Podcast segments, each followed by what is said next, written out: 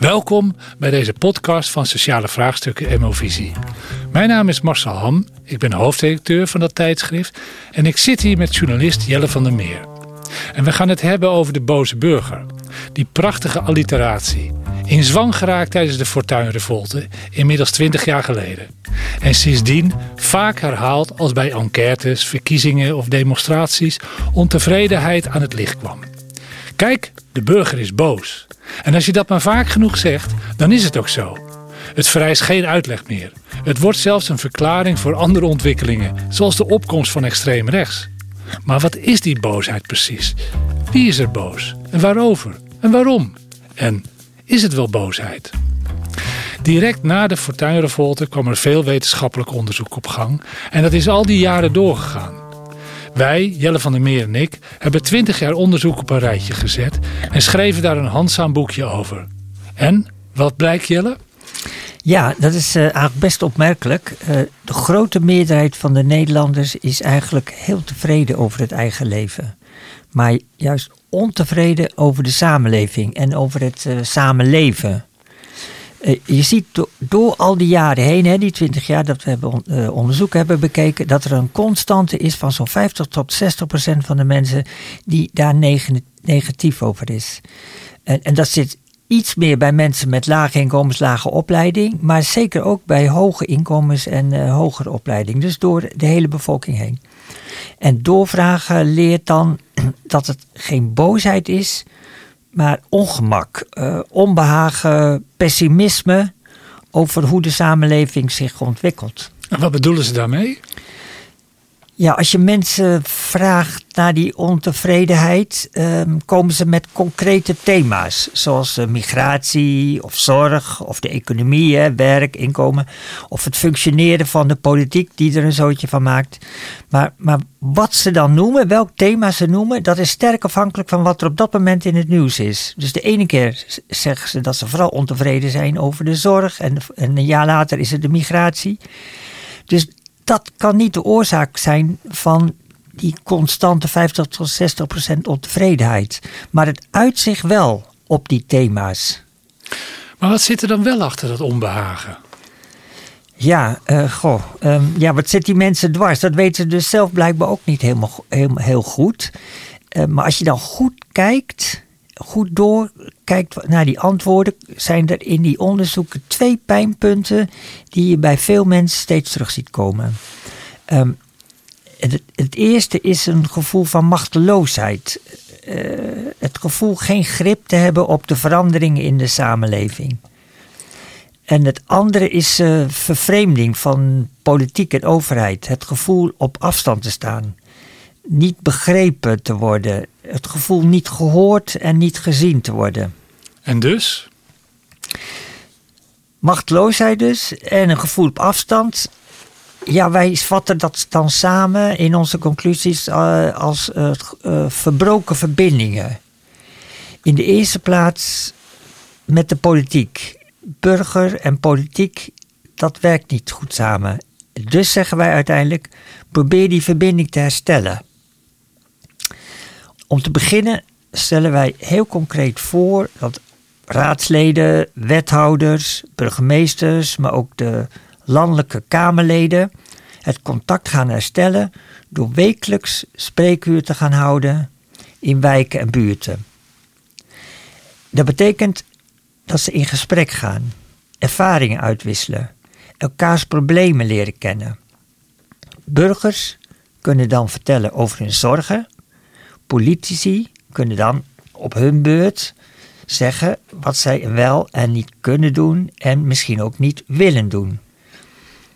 Uh, en dat zijn geen eenmalige bezoekjes, niet even zoals met verkiezingen een keertje langskomen en dan je gezicht niet meer laten zien. Nee, wekelijks terugkomen, uh, want dan kunnen ze ook geen valse beloftes doen. Oké, okay, maar hoe zit het nou met die boosheid? Zijn er nu wel of niet boze burgers? Ja, Marcel. Um, uh, natuurlijk zijn er ook boze burgers. Er zijn altijd mensen die boos zijn over concreet beleid. Hè, zoals we nu meemaken met de boeren over stikstofaanpak. Studenten over studieleningen. Um, ja, kan ik meer? Groningers over de aardbevingsaanpak. Met de bijbehorende protesten en demonstraties. Dat is ook dat is heel gezond. Dat is van alle tijden. En dat hoort bij een democratie. Dat is, dat is politiek verzet van specifieke groepen over specifiek beleid. Maar dat is altijd maar een paar procent van de bevolking. Het veel grotere en ook meer ongrijpbare uh, probleem is dat diffuse onbehagen, dat ongemak, wat je ziet bij een groot deel van de Nederlanders. Het gevoel van machteloosheid. Om deze bevindingen te toetsen zijn we op zoek gegaan naar een lokale bestuurder die ervaring heeft met het in contact treden met burgers over wat een dwars zit. En zo kwamen we uit in de Zeeuwse plattelandsgemeente Rijmerswaal in Zuid-Beverland. Met onder andere de dorpen Kruidingen, Krabbedijken en Ierseke. En daar zetelt burgemeester José van Egmond en die zoekt heel actief het gesprek op met haar bewoners.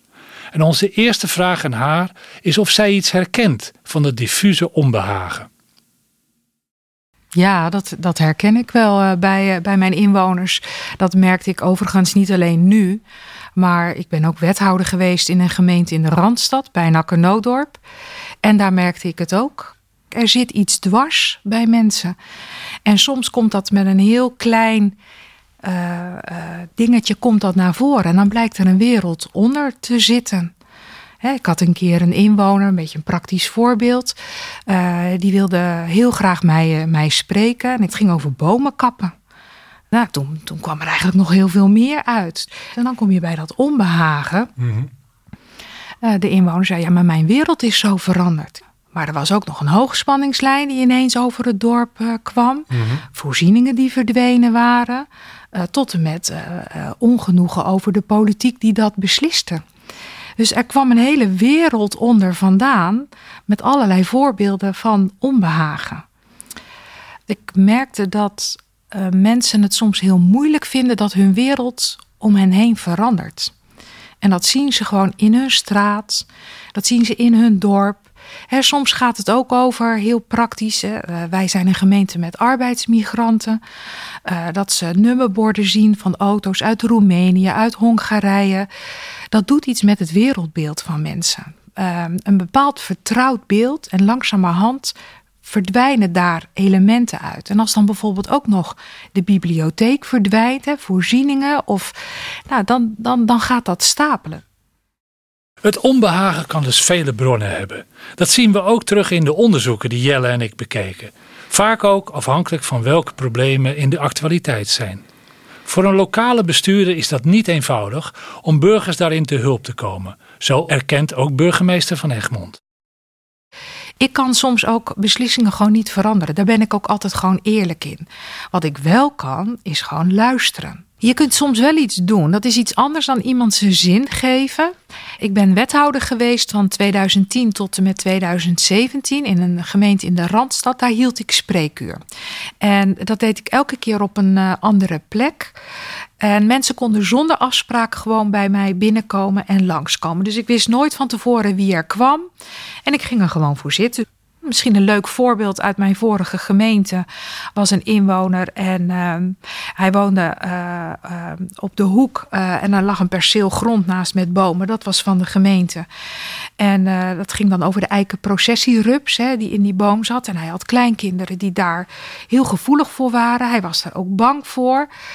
Ehm, en hij kwam met dat verhaal. En toen ben ik gewoon uh, teruggegaan en gewoon uh, naar ambtenaren gaan. Ik zei, joh, ik heb dit verhaal gehoord. Wat kunnen wij hier nou uh, mee? En toen is er toch beslist van ja, die boom moet gewoon, laten we die boom maar gewoon weghalen. Want dat, dat kan wel. En nou, dus die boom is omgehakt. In deze gemeente waar ik nu ben, heb ik ook een paar jaar spreekuur gehouden, steeds in een ander dorp uh, kwamen mensen ook uh, op af met allerlei uh, verhalen. En ja, wat ik dan doe is luisteren. soms legde ik het terug en zochten we naar een, naar een oplossing. Soms was er geen oplossing en dan zeiden we dat ook gewoon eerlijk. Ehm, en, maar toen kwam corona, dus toen konden we eigenlijk niet meer. En toen dacht ik, ik moet iets verzinnen waarbij ik gewoon toch coronaproof onder de mensen kan komen. En toen heb ik bedacht van nou, ik ga lopen met mensen. Dat is buiten, dat is goed voor ons. We kunnen afstand houden. Uh, ik dacht nou, dan gaan we praten en prikken met uh, de burgemeester. En daar kwamen heel veel mensen op af. Die vonden dat, uh, die vonden dat leuk. Dus mensen konden zich aanmelden. En dat deed ik dan elke week op vrijdagmiddag. En ik zag wel wie er langskwam. Mensen vertellen dan enorm veel, is mijn ervaring. Ja. Maar dit lijkt me toch lastig, want mensen verwachten ook echt dat je zo'n probleem dan oplost. En dat kan niet altijd, toch? Nee, maar ik ben daar wel altijd eerlijk over. Ik hmm. zeg altijd tegen inwoners: ik wil naar je luisteren. Um, uh, maar soms zeg ik ook echt van: uh, ik denk niet dat ik dat op kan lossen. Oké Jelle, dus in gesprek gaan betekent dus niet dat de kwesties waarmee burgers zitten één op één opgelost kunnen worden. Nee, zeker niet. Uh, dat is niet alleen omdat lokale bestuurders niet altijd de mogelijkheden hebben, hè, omdat ze niet over nationaal beleid gaan, bijvoorbeeld over inkomen. Maar vaak ook omdat burgers die op zo'n spreekuur komen niet altijd gelijk hebben of gewoon niet in hun recht staan. Burgemeester van Egmond wijst daar ook terecht op in haar uh, interview met ons. Ik wil geen rechtsongelijkheid, dat wil ik ook niet. Hè? Want wij zijn als overheid, willen we wel gewoon naar iedereen kijken. Dus uh, je moet daar geen rechtsongelijkheid in creëren. En waar ik me ook bewust van ben, altijd, is uh, dat uh, je altijd inwoners hebt die heel goed voor zichzelf op kunnen komen. En die dat ook heel goed kunnen verwoorden. Dus ik probeer daar ook altijd oog voor te hebben van wie hoor ik niet en wie zie ik nou niet. Um, en uh, zo'n open systeem hè, van kom maar langs. Nou, dan krijg je gewoon inwoners die, die dat wel durven. Mm -hmm. Maar ik probeer ook altijd wel verder te kijken van wie hoor je dan niet. En niet iedereen komt naar die spreekuren. Dat kan dus wel een vertekend beeld geven. Ja, dat is een heel goed punt. Uh, en daarom denkt de burgemeester uh, van Egmond ook na over een, om het op een andere manier te doen. Dat was interessant uh, wat daarboven kwam in dat interview. Een, een andere aanpak om ook met minder assertieve burgers in gesprek te komen? Uh, waar ik uh, nu uh, me aankomend jaar op wil richten, is het is een experiment en ik weet ook helemaal niet of het gaat lukken. Maar ik wil eigenlijk aselectief gaan werken met een tafel met eten het is gedurfd, maar om een aselectief inwoners uit een bepaald jaar uit te nodigen. Eigenlijk een vorm van loting, ja. Aha, En wil ik ze uitnodigen en vragen: neem iets te eten mee. En dan, hebben we, uh, dan gaan we praten en eten met de burgemeester. En dan hoop ik dat er inwoners ook aan tafel komen die ik anders niet zo snel zou zien. En dan gaan we ook met elkaar in gesprek. En dat heeft ook wel weer met mijn nieuwsgierigheid te maken. Ik vind het ook wel belangrijk um, om met. Ik wil wel van hen horen hoe leven jullie hier. Maar ik wil die diversiteit ook wel zien. En ook het gesprek met elkaar vind ik ook wel belangrijk. Want wat ik ook wel zie hè, de afgelopen periode, dat um, ja, vinden we elkaar nog ook in zo'n dorp. Hè? Wat vroeger de kerkboot of een vereniging of uh, de school misschien ook. Nou ja, hoe breng je mensen ook met elkaar in gesprek in je gemeente? Dus dit is een idee wat ik eigenlijk uh, ja, het aankomend jaar wil gaan, uh, gaan uitboteren. ik moet eens kijken hoe het, of het gaat lukken. Want wat zou een geluid kunnen zijn wat u nu niet hoort? Ja, mijn ervaring is dat inwoners eigenlijk best vaak ook wel tevreden zijn. Uh, hè, dat, dat, dat merk ik wel. Vaak gaat het toch wel over wat ze in de straat meemaken. Dus het gaat vaak over onbehoorlijk verkeersgedrag in de straat. Het gaat vaak over parkeren, de bomen, hè, de bomenkap. Dus veranderingen in hun omgeving. Ja. Daar, ik denk dat ze daarmee komen. Politici en bestuurders die zijn soms een beetje bang om dit soort gesprekken aan te gaan, omdat mensen die boos zijn nog wel eens intimiderend of zelfs bedreigend kunnen zijn. Maar burgemeester van Egmond is daar niet zo bang voor. Ik ga er gewoon tussen zitten en gewoon het gesprek aangaan. En gewoon toch proberen he, elkaar aan te kijken. Wat, gewoon vragen, wat zit je dwars? Waar ben je nou boos over? Dat lees ik ook in jullie boekje. Hè, van, mm. uh, uh, ja, toch doen. Mijn ervaring is, uh, mensen slaan je niet zo snel tegen de vlakte. Wat kan je nou gebeuren? Ze kunnen misschien heel grof in de mond zijn. Um, maar mijn ervaring is ook, ja, laat woede ook maar even woede zijn. Laat ze dat dan ook maar ik, ik kan dat ook wel weer van me af laten glijden. Dan maar gewoon naar de vraag toe te gaan. Wat, wat zit je dwars? Heb ik jou goed begrepen dat dit het is? Ik stel wel een grens. Dat doe Mm. ik wel. Ja, ik heb ook wel eens een situatie meegemaakt in mijn vorige gemeente. Dat iemand ook heel boos was. Ik had dingen voor hem uitgezocht, dus die kwam op een spreekuur vol woede. En dit klopte niet en dat klopte niet. Ik zei, nou, ik ga wederhoor plegen. Toen heb ik het uitgezocht. En toen eh, heb ik eh, de, de beste inwoner eh, gebeld. En het was een ondernemer. Ik zei, ik kom naar u toe. Maar ik kom wel onder een aantal voorwaarden. En dat betekent respect voor de medewerkers. Want mijn medewerkers waren ook grof behandeld. Het is het laatste gesprek wat wij voeren. En we houden ons aan de uitkomsten. En ehm, dat gesprek eh, is ook gevoerd. We hebben ook afspraken eh, gemaakt. Ehm, ja, het was niet helemaal naar de zin van de persoon. Dat is er soms ook. Hè? Dus eh, het is zoals het is. Soms ga je ook uit elkaar met we worden het niet eens. Maar dan is het ook dit nu. Oké, maar nu zijn we op een lastig punt aangeland. Er is dus een kloof. Burgers voelen zich niet gehoord. Gesprekken met burgers zijn nodig. Zo concluderen wij. Maar zo blijkt nu, politici en bestuurders zullen die burgers in die gesprekken lang niet altijd gelijk kunnen en willen geven. Om allerlei redenen. Hebben die gesprekken dan wel zin? Ja, zo zeggen wij ook, ook in ons boekje. En dat sluit aan bij wat Van Egmond zegt. Omdat die gesprekken waar wij voor pleiten, die spreekuren, niet gaan om het gelijk krijgen. Dat is niet het kern van de opmagen. Het gaat niet om je zin krijgen, maar het gaat om dat mensen gehoord willen worden, serieus genomen worden. Het herstel van die verbinding. Ja, dat herken ik wel, want de burgemeester zegt daar ook iets heel interessants over. Ik ben een soort pastoraal werker zonder religie. Wat vroeger de dominee misschien, eh, eh, waar het daar geventileerd wordt, eh, werd, dat ben ik nu. Hè? Dus dat, is, speelt misschien ook een, een rol. En wat ik ook soms wel eens denk, we hebben veel gekregen. We zijn in ontzettend welvarend, gelukkig en, en, en we hebben heel veel. Uh, maar wat ik zie is dat we dan ook veel te verliezen hebben. Dus hoe veiliger je leeft, hoe groter de impact van een crisis. En ik denk dat dat ook speelt. En wat ik ook denk te zien is dat we te maken hebben ook in een tijd waarin de overheid heel veel functies heeft overgenomen als het gaat over welzijn en over welvaart. En waarbij je vroeger God de schuld gaf, of de dominee, of wie dan ook. Daar krijgt nu gewoon de overheid de schuld van. En ik ben onderdeel van die overheid. Want voor die inwoner ben ik precies, uh, ik, of het nou Den Haag is of Rijmerswaal. Ik ben de instantie waar je dat dan op ventileert. En ik denk dat dat van deze tijd is. Ja, ja want u legt heel, heel erg de nadruk op het luisteren. En niet per se gelijk geven. Uh, veel klachten van burgers is uh, van er wordt niet naar ons geluisterd. Uh, u, presenteert hier dat dan toch ook als antwoord, luisteren. Um, als dat zo is, zouden dan inderdaad de wethouders en de raadsleden dat allemaal moeten gaan doen? Ik geloof daar gewoon uh, wel in. Dus ik stimuleer het altijd wel. Uh, en ik vind ook uh, raadsleden hebben ook die rol. Ik vind politici in Den Haag hebben ook die rol. Hè. Volksvertegenwoordiger zijn betekent je oren open hebben. Niet, je hoeft niet iedereen de zin te geven. Maar begin nou gewoon eens met luisteren. Maar ook hè, wel um, je ook bewust zijn van dat je gewoon met je voeten in de klei gaat staan. Dat je ook naast iemand gaat staan.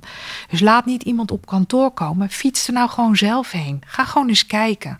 Maar heb ook echt oprecht interesse in de ander. Doe het niet omdat je denkt, nou moet ik nog een uurtje een spreekuur houden. Maak er geen moedje van. Doe het oprecht. En, en ook ga terug. Nou, dat is soms wel eens lastig. Ja, want soms moet je ook terug met een nare boodschap. Of soms moet je ook terug om sorry te zeggen. Ja, dat moet je ook doen. Ja. Kent u wethouders die op deze manier werken? Uh, in mijn vorige gemeente weet ik, in Pijnak en Noodorp houden wethouders ook spreekuur. Mijn wethouders doen het niet. Ik stimuleer dat, hè, van uh, uh, doe het. kijk, je hoeft ook niet per se spreekuur te houden om toch in contact met je inwoners te zijn. Hè. Dus gewoon op straat zijn, zorgen dat je er bent. gewoon eens naar een dorpsraad gaan en luisteren. Het zijn ook allemaal manieren. Dus gewoon met je voet in de klei staan. Ja, dat kan ook. Maar om een gesprek op gang te krijgen, moet je continu ergens aanwezig zijn. En misschien is daar net iets meer voor nodig. Ja, dit is ook iets dat, dat ervaar ik ook wel. Het houdt ook nooit op. En dat, dat moet je ook wel willen. Je moet er ook nooit moe van worden, zeg maar. Dat zijn dus wijze lessen voor raadsleden en wethouders in Nederland van de burgemeester van Rijmerswaal. Ja, en aan het eind van het gesprek komt ze nog met een bijzondere aanvulling op wat ze eerder zei over de verhouding burger en overheid. Daarmee laat ze meer licht schijnen op dat lastige begrip onbehagen en uh, hoe daarmee om te gaan. Luister maar even. Ja, wat ik eigenlijk ook altijd wel belangrijk vind, ook als het gaat over die inwoners, wat ik ook net zei, hè, dat van is het nu erger geworden of niet. Um, inwoners zijn enorm veel gaan verwachten van die overheid. Omdat die overheid ook heeft gezegd: wij zijn ervan, wij zijn ervan, wij zijn. De kerk is er niet meer van, de woningbouwcorporatie niet is van, wij zijn ervan. Dus de verwachtingen zijn ook gericht op die overheid. En wat ik nu merk, dus dat die verwachtingen torenhoog zijn, maar de teleurstelling ook gigantisch op het moment dat er bezuinigd wordt en dat het minder wordt, dan, dan, dan vallen we ook enorm in dat gat. Hè. Ik vergelijk het wel eens met veiligheid.